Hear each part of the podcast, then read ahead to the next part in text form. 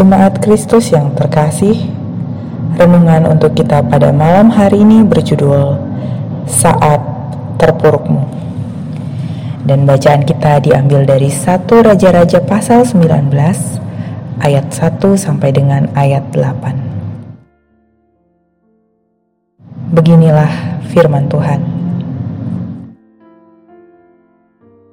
Ketika Ahab memberitahukan kepada Isabel segala yang dilakukan Elia dan perihal Elia membunuh semua nabi itu dengan pedang, maka Isabel menyuruh seorang suruhan mengatakan kepada Elia, Beginilah kiranya para Allah menghukum aku, bahkan lebih lagi daripada itu. Jika besok kira-kira pada waktu ini aku tidak membuat nyawamu sama seperti nyawa salah seorang dari mereka itu. Maka takutlah ia, lalu bangkit dan pergi menyelamatkan nyawanya. Dan setelah sampai ke Bersheba, yang termasuk wilayah Yehuda, ia meninggalkan bujangnya di sana. Tetapi ia sendiri masuk ke padang gurun sehari perjalanan jauhnya, lalu duduk di bawah sebuah pohon arar. Kemudian ia ingin mati katanya. Cukuplah itu sekarang ya Tuhan, ambillah nyawaku, sebab aku ini tidak lebih baik daripada nenek moyangku. Sesudah itu ia berbaring dan tidur di bawah pohon arar itu. Tetapi tiba-tiba seorang malaikat menyentuh dia serta berkata kepadanya, "Bangunlah, makanlah." Ketika ia melihat sekitarnya, maka pada sebelah kepalanya ada roti bakar dan sebuah kendi berisi air. Lalu ia makan dan minum, kemudian berbaring pula. Tetapi malaikat Tuhan datang untuk kedua kalinya dan menyentuh dia serta berkata, "Bangunlah, makanlah, sebab kalau tidak, perjalananmu nanti terlalu jauh bagimu." Maka bangunlah ia, lalu makan dan minum.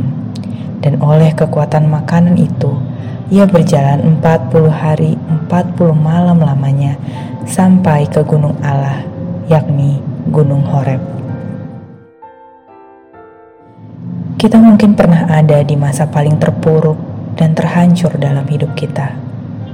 Bisa jadi karena kedukaan kekecewaan karir yang hancur relasi rusak ataupun hal lain di titik seperti itu, ada kemungkinan tindakan yang kita lakukan adalah tindakan yang sembrono, karena pikiran kita sedang kalut dan tak mampu untuk menimbang segala sesuatu dengan tepat.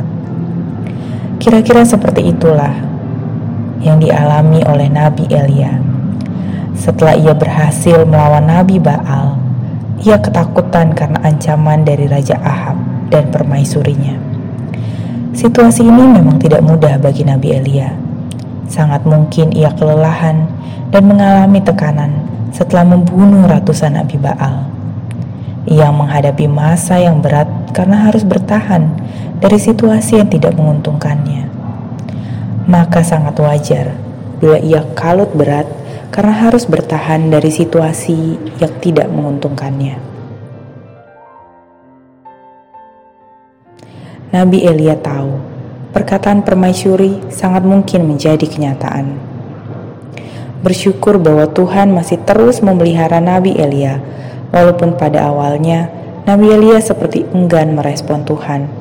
Ia seperti sudah menyerah dengan situasi yang dihadapinya. Sehingga pemeliharaan Tuhan dalam masa pelarian itu sempat disalahpahami oleh Elia.